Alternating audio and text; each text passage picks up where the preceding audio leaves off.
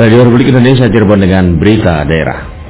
Pertama, pokoknya makan-makanlah yang bergizi, berimbang, beragam, dan aman. Jadi kalau itu yang kita pakai, berarti insya Allah yang masuk ke dalam perut kita sesuatu yang akan menyehatkan. Kita harus memperbanyak sayur dan buah kita maksudnya kan di pelayanan jadi kita menyiapkan jadi ya nanti kalau misalnya ada temuan kasus yang dari SPGDT yaitu yang dari puskesmas itu dimohon sebelum merujuk tuh sudah nelfon dulu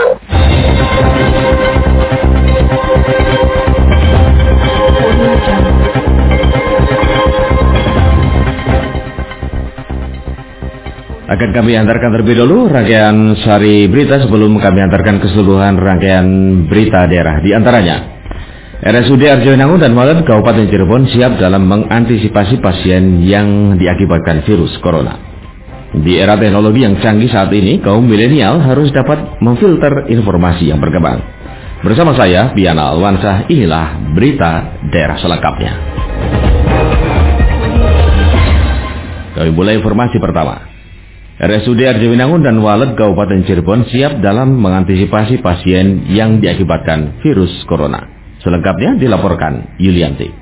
Pemerintah Kabupaten Cirebon telah menyiapkan dua rumah sakit untuk penanganan kasus pasien virus corona yaitu RSUD Arjawinangun dan Walet. Ketua Tim Severe Acute Respiratory Infection SARI RSUD Arjawinangun, Dokter Spesialis Paru Edi Kurniawan kepada RRI menyatakan, secara prinsip pihaknya siap melayani masyarakat apa pun penyakit yang dikeluhkan baik itu akibat virus corona maupun lainnya. Kita sebagai seorang profesional, pelayan masyarakat, kita harus siap dan insya Allah kita siap dengan satu kata Bismillahirrahmanirrahim. Jadi tidak hanya dengan corona, apa pun itu sudah harus siap kita. SARS, yang dulu AI dan sebagainya, kebetulan semuanya itu kan di bidang paru ya, artinya harus kita spesialis paru. Kemudian dari sarananya, kita sebenarnya mempunyai lima ruangan isolasi yang sudah sesuai dengan prosedurnya prosedur isolasi tersebut. Yang paling bagus kan harus ada HEPA filter itu ya, yang membuat tekanan itu negatif, yang menjaga penularan dan sebagainya. Tapi lima ruang itu tidak semuanya kita pakaikan untuk corona. Karena kan itu juga untuk kepentingan pelayanan ke pasien yang lainnya.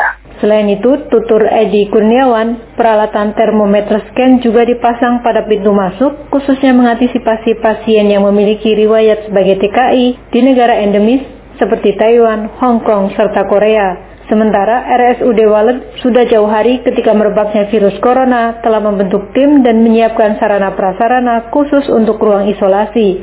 Hal itu disampaikan Direktur RSUD Walet, Dr. Budi Sunjaya. Menurutnya langkah tersebut didasarkan pada kasus tiga pasien yang masuk pemantauan usai kepulangan dari negara Cina dan telah dinyatakan negatif virus corona. Dalam sistem penanganan pasien diduga terkena virus corona, Dr. Budi Sunjaya meminta jajaran puskesmas memberi informasi lebih dahulu sebelum merujuk ke rumah sakit. Kita kan ada sistemnya mulai dari puskesmas ke rumah sakit. Kita langsung kan di pelayanan, jadi kita menyiapkan. Jadi ya nanti kalau misalnya ada temuan kasus yang dari SPGDT yaitu yang dari puskesmas itu, dimohon sebelum merujuk itu sudah nelfon dulu. Karena apa? Untuk kasus coronavirus dia tidak boleh berkontak langsung dengan pasien-pasien yang lain. Dia harus terus langsung gitu masuk langsung ke ruang isolasi. Itu yang sudah kita siapkan. Jadi pasien itu misalkan di telepon A, telepon ini ada si pasien yang terduga corona akan datang nah, di kontak ke rumah sakit nanti kita siapkan karena apa perawatnya pun harus dalam kondisi pakai APD tertentu. Ditambahkan Budi Sunjaya, peralatan untuk penanganan virus corona tidak murah dan harus lengkap sedangkan biaya pengobatan pasien virus corona digratiskan. Pendengar berikut komentar masyarakat mengenai Jawa Barat siaga 1 virus corona yang berhasil diimpun RRI. Nama saya Adi dari Desa Kalikoa. Kalau menurut saya rasa kekhawatiran pasti ada. Cuma ya tidak usah harus berlebihan. Yang penting kita bisa melihat situasi di mana yang berbahaya dan di mana yang tidak. Kemudian kita juga harus bisa mengatur pola makan, pola istirahat, dan pola berkomunikasi atau berkontak dengan orang-orang di sekitar kita. Tapi tidak harus kita mempunyai rasa khawatir yang berlebihan. Yang penting kita siaga tapi tidak harus menyiksa diri sendiri dengan mencari hal-hal yang di mana harus membeli masker dan sebagainya. Yang penting kita yakin bahwa suatu saat virus itu nanti juga akan hilang. Mudah-mudahan seperti itu harapan saya. Namanya Rani ya, dari Majalengka. Kalau menurut saya sih pemerintah harus harus tanggap kalau orang yang udah terkenanya berarti harus direhabilitasi dulu, nggak usah. Maksudnya nggak, maksudnya bukan dilarang ya. Maksudnya orang-orang juga harus protek gitu ya sama orang yang udah terkenanya, bukan bukan untuk menjauhi tapi untuk melindungi diri sendiri ya Mas ya. Terus ya otomatis pemerintah juga apa ya harus melakukan misalkan proteksi polisi di bandara-bandara. Otomatis kan bandara buat orang lalu lalang dari luar negeri atau dari dalam negeri gitu. Ya intinya mah dari diri sendiri harus memprotek gitu. Nama saya Anindito Rivalis Darisman dari Cirebon.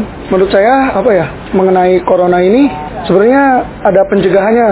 Soalnya apa ya tentang masker nih, masker kan mahal. Sebenarnya itu buat orang-orang sakit saja. Kalau orang sehat nggak usah. Kekhawatiran ada sih tetap ada. Tapi ya apa ya gimana kita cermat untuk bergaul. Untuk membahas lebih lanjut mengenai Jawa Barat siaga satu virus corona, kita akan ikuti wawancara reporter Lengga Ferdiansa dengan Dr. Ahmad Faiz Malfi Zamzam. Terkait dengan wabah coronavirus nih dok yang sudah masuk Ya. ke Indonesia, mungkin bisa dijelaskan apa sih dok coronavirus ini? coronavirus ini sebenarnya kan sudah ada bentuk coronavirus sebelumnya. Ya. Dulu pernah ada wabah SARS, ya itu juga penyebabnya coronavirus disebut sebagai SARS-CoV.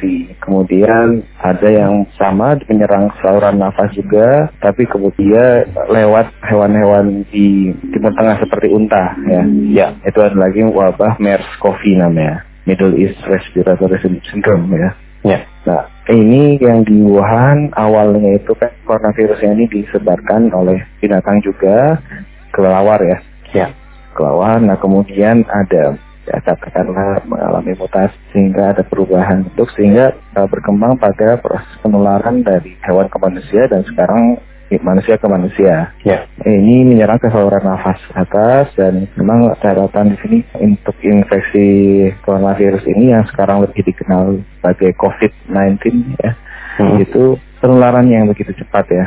Ya sampai saat ini memang disinyalir untuk tingkat kematiannya atau kita bilang sebagai case fatality rate masih berkisar 2%. Kalau kita bicara beban penyakit, walaupun kini kita bicara angka ya, Mas. ya, Ternyata memang 2% masih dibilang rendah, hanya proses penyebaran yang begitu cepat inilah yang menjadi WHO menurunkan semacam maklumat ya, jadi menaikkan status sebagai public health international concern, jadi perhatian internasional dalam aspek kesehatan masyarakat. Karena tadi apa penularannya begitu cepat dan, dan disinyalir memang kontaknya itu tidak perlu lama harus beberapa hari yang dalam pertemuan terakhir. Bahkan dalam hitungan menit itu sudah sudah bisa agak menular ya. ya.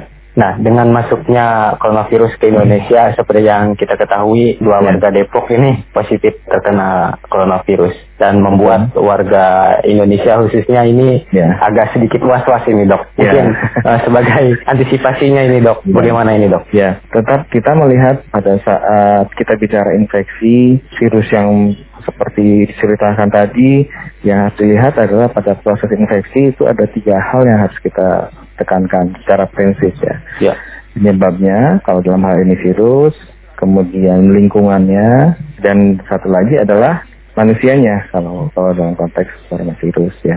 Ya. Jadi aspek manusianya ini walaupun virusnya seperti itu, kalau kekebalan tubuh manusianya baik, Hmm. ya tidak akan terkena gitu.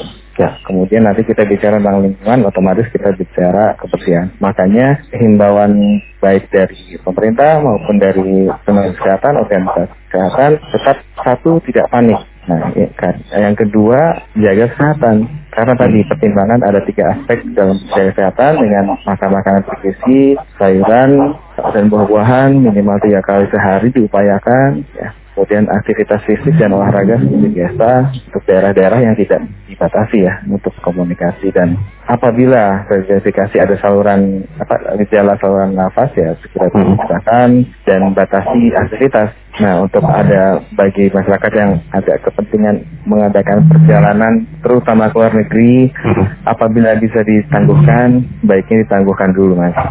Ya, karena ya, kita tetap menghadapi ada risiko penularan yang ada. baik. Dok, mungkin apa yang harus dilakukan ketika mereka kan ini sedang was-was berburu masker ini dok ke sejumlah apotek. Iya, iya. betul ini hmm.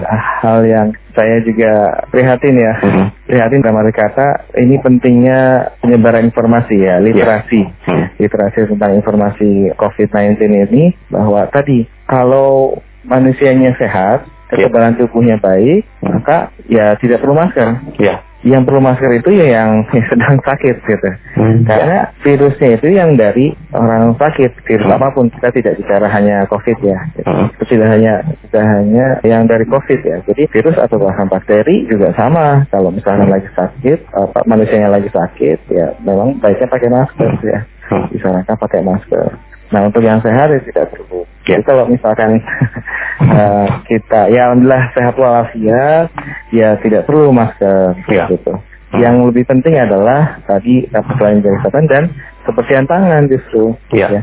Karena kenapa kebersihan tangan? Karena kebersihan tangannya adalah tangan ini kan kontak apa megang sesuatu me, apa pada saat kita bicara dengan teman atau bicara itu karena kita pegang apa baju dan sebagainya yang kalau misalkan kalau misalnya kita sedang sakit apa itu kan kalau misalkan dia batuk atau bersin kita tidak tahu ada percikan dahaknya itu atau tidak baju dan tak nah kalau misalnya kita rajin cuci tangan belum makan juga cuci tangan.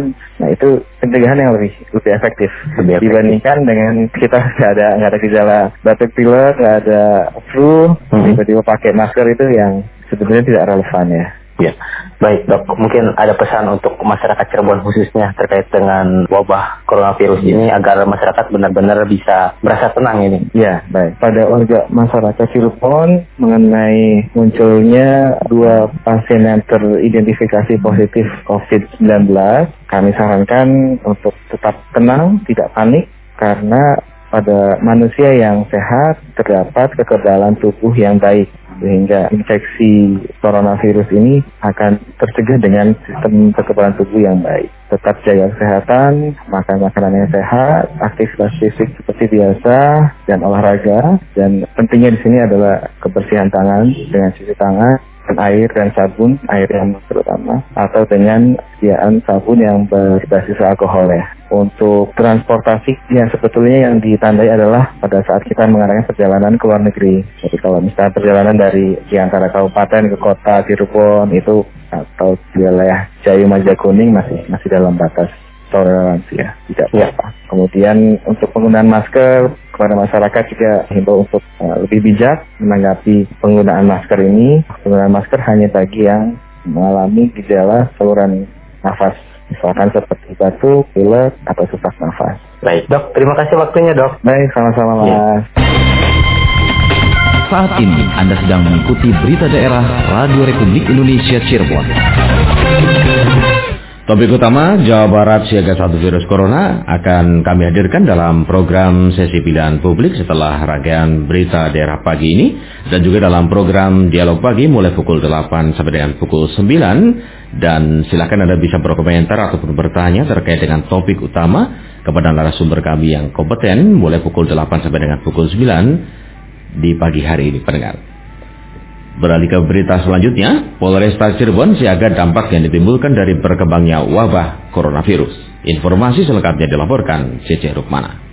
Polresta Cirebon mengantisipasi beberapa hal terkait dampak yang ditimbulkan dari adanya isu coronavirus, korelasi dengan ketertiban dan keamanan masyarakat. Kapolresta Cirebon, Kombes Pol M. Syahdudi, kepada media mengatakan antisipasi tersebut di antaranya terkait ketersediaan stok masker pelindung wajah dan hand sanitizer, kelangkaan kebutuhan pokok masyarakat, upaya menanggulangi informasi hoax terkait isu coronavirus, jangan sampai masyarakat menjadi makin resah dan situasi tidak terkendali terkendali akibat informasi yang tidak benar. Kita sudah melakukan kegiatan-kegiatan pemantauan dan monitoring di beberapa pusat perbelanjaan maupun pasar-pasar tradisional terkait dengan antisipasi kelangkaan masker pelindung wajah dan juga hand sanitizer termasuk juga kelangkaan kebutuhan pokok masyarakat. Beberapa laporan sudah kita terima dari hasil kegiatan dilakukan oleh personel kami di lapangan bahwa sudah mulai muncul kelangkaan terkait dengan keberadaan masker pelindung wajah dan juga hand sanitizer. Meskipun masih ada beberapa pusat perbelanjaan maupun toko-toko yang masih menjual masker pelindung wajah dan juga hand sanitizer namun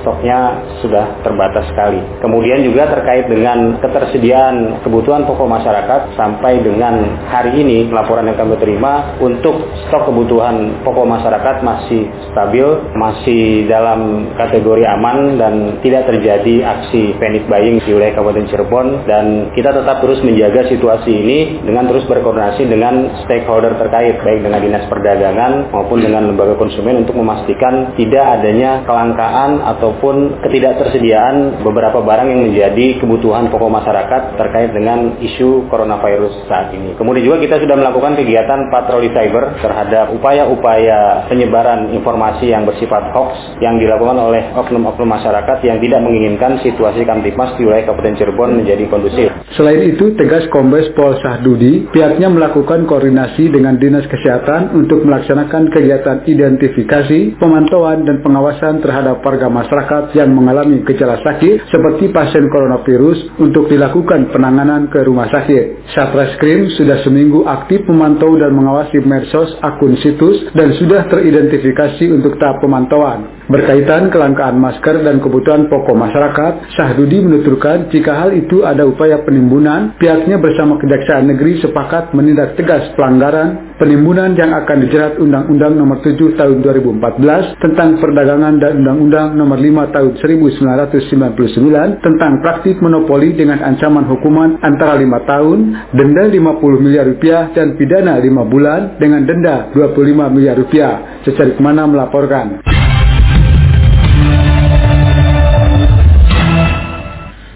Di era teknologi yang canggih saat ini, kaum milenial harus dapat memfilter informasi yang berkembang. Laporan selengkapnya disampaikan Muhammad Bakri.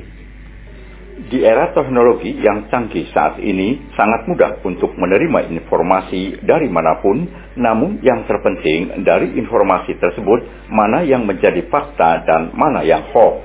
Kaum milenial harus bisa memfilter informasi yang berkembang saat ini. Demikian dikatakan anggota Komisi 9 DPR RI, Dr. Neti Prasetyani MSI, saat menjadi narasumber pada acara talkshow Hidup Sehat dan Keren ala Milenial di RRI Cirebon. Dijelaskan, penawaran berbagai produk makanan maupun kesehatan, baik melalui media sosial dan promo-promo yang menggiurkan dengan menjanjikan sehat dan keren, hal itu belum tentu terbukti kebenarannya. Menurut Neti Prasetyani, hidup sehat adalah dengan cara makan makanan yang bergizi, memperbanyak makan sayur dan buah, beraktivitas fisik setiap hari, mencuci tangan, menggunakan jamban yang sehat, dan tidak merokok. Hidup sehat itu kalau dibilang murah, murah kok. Kalau mau dibilang gampang juga gampang. Yang pertama, pokoknya makan makan makanlah yang bergizi, berimbang, ya beragam dan aman. Jadi kalau itu yang kita pakai, berarti insya Allah yang masuk ke dalam perut kita sesuatu yang akan menyehatkan. Kita harus memperbanyak sayur dan buah dengan iklan yang sangat bombastis bahwa mak jenis makanan ini adalah makanan modern, begitu ya. Hmm, hmm. Jenis makanan ini membuat kita masuk ke dalam sebuah kelas sosial tertentu, maka kemudian kita mulai meninggalkan beraktivitas fisik setiap hari, ya. kemudian mencuci tangan dengan air dan sabun, termasuk menggunakan jamban sehat, tidak merokok, Sementara founder Syahira Muslimah Model Cirebon, Yuniko Febi Husnul Fauziah MKep, yang juga sebagai narasumber pada acara itu menuturkan kaum milenial sebenarnya dapat berperan untuk menyampaikan bagaimana hidup sehat dengan kalimat ajakan untuk makan makanan yang sehat setidaknya dapat menangkal informasi yang tidak benar atau hoax. Mungkin yang tadi dijelaskan Bu Neti dengan uh, eh, PHBS, kemudian makan makanan sehat, kita juga bisa berperan. Jadi kita yang jadi food bloggernya, kita yang jadi beauty vloggernya gitu loh. Kita yang bikin vlog. Hai guys, hari ini aku makan nasi lauknya proteinnya segini, ini segini, wah gitu kan keren banget ya. Itu kita yang bikin trendsnya. Itu keren deh kalau misalnya kita sudah bisa mengaplikasikan itu e, langsung gitu kan. Kemudian termasuk juga di WA group misalkan kita bikin status gitu di WA. E, guys, e, hari ini aku belajar misalkan. Ini ternyata skincare ini palsu loh. Jadi kita sendiri yang mem, apa ya, yang mengatur media sosial kita. Jangan media sosial yang ngatur kita. Talkshow yang berlangsung di studio Serbaguna RRI Cirebon dihadiri 50 lebih pelajar dan mahasiswa. Selain diberikan kesempatan untuk bertanya kepada narasumber, beberapa pelajar dan mahasiswa juga mendapatkan door prize. Muhammad Bakri melaporkan. Pemerintah Kota Cirebon siap mewujudkan Kota Cirebon sebagai kota pariwisata. Selengkapnya disampaikan Lengga Ferdiansa. Meningkatkan jumlah kunjungan menjadi salah satu target utama pemerintah kota Cirebon pada tahun ini. Namun untuk mewujudkan semua itu membutuhkan dukungan dan upaya pembenahan secara intens dari semua leading sektor baik infrastruktur, pembangunan, serta penataan. Wakil Wali Kota Cirebon Dr. Anda Eti Herawati mengatakan berbagai objek wisata di Kota Cirebon sedang dalam proses pembenahan. Hal tersebut diharapkan membuat wajah Kota Cirebon semakin cantik sehingga bisa menarik lebih banyak wisatawan untuk datang. Adapun pembenahan yang dilakukan di antaranya berupa penataan kawasan kota tua, penataan gedung bundar yang ada di sekitar lapangan Kebumen, dan pembangunan replika pedati gede. Selain itu, penataan kampung seni di Keraton Kanoman, penataan kampung Benda Kerep sebagai lokasi wisata religi, penataan wisata Kalijaga, penataan kampung Krian Barat sebagai lokasi wisata batik, dan penyelesaian tahap revitalisasi alun-alun kota Cirebon. Pembangunan taman tematik di berbagai lokasi juga akan menjadi prioritas karena selama ini taman-taman di kota Cirebon hanya dirawat seadanya. Ini kan target kita ya bahwa 2020 memang banyak Pak Wali dan kami dan seluruh jajaran Pemkot itu akan merubah tataran terutama kawasan tua. Kenapa juga disebut wajah baru Cirebon karena 2020 ini ada satu perubahan. Jadi intinya target-target pembangunan pariwisata dan sebagainya menjadi sebuah titik-titik yang nanti untuk fasum untuk publik ini menjadi satu hal target kami. Dikatakan Eti Herawati untuk melakukan pembenahan terhadap berbagai objek wisata, anggarannya berasal dari bantuan Pemprov Jabar dan APBD Kota Cirebon. Diharapkan seluruh kegiatan pembangunannya bisa rampung pada November 2020. Mengah Ferdiansyah melaporkan. Laporan Lega Ferdiansah terkait dengan pemerintah Kota Cirebon siap mewujudkan Kota Cirebon sebagai kota pariwisata mengakhiri rangkaian berita daerah. Selamat pagi.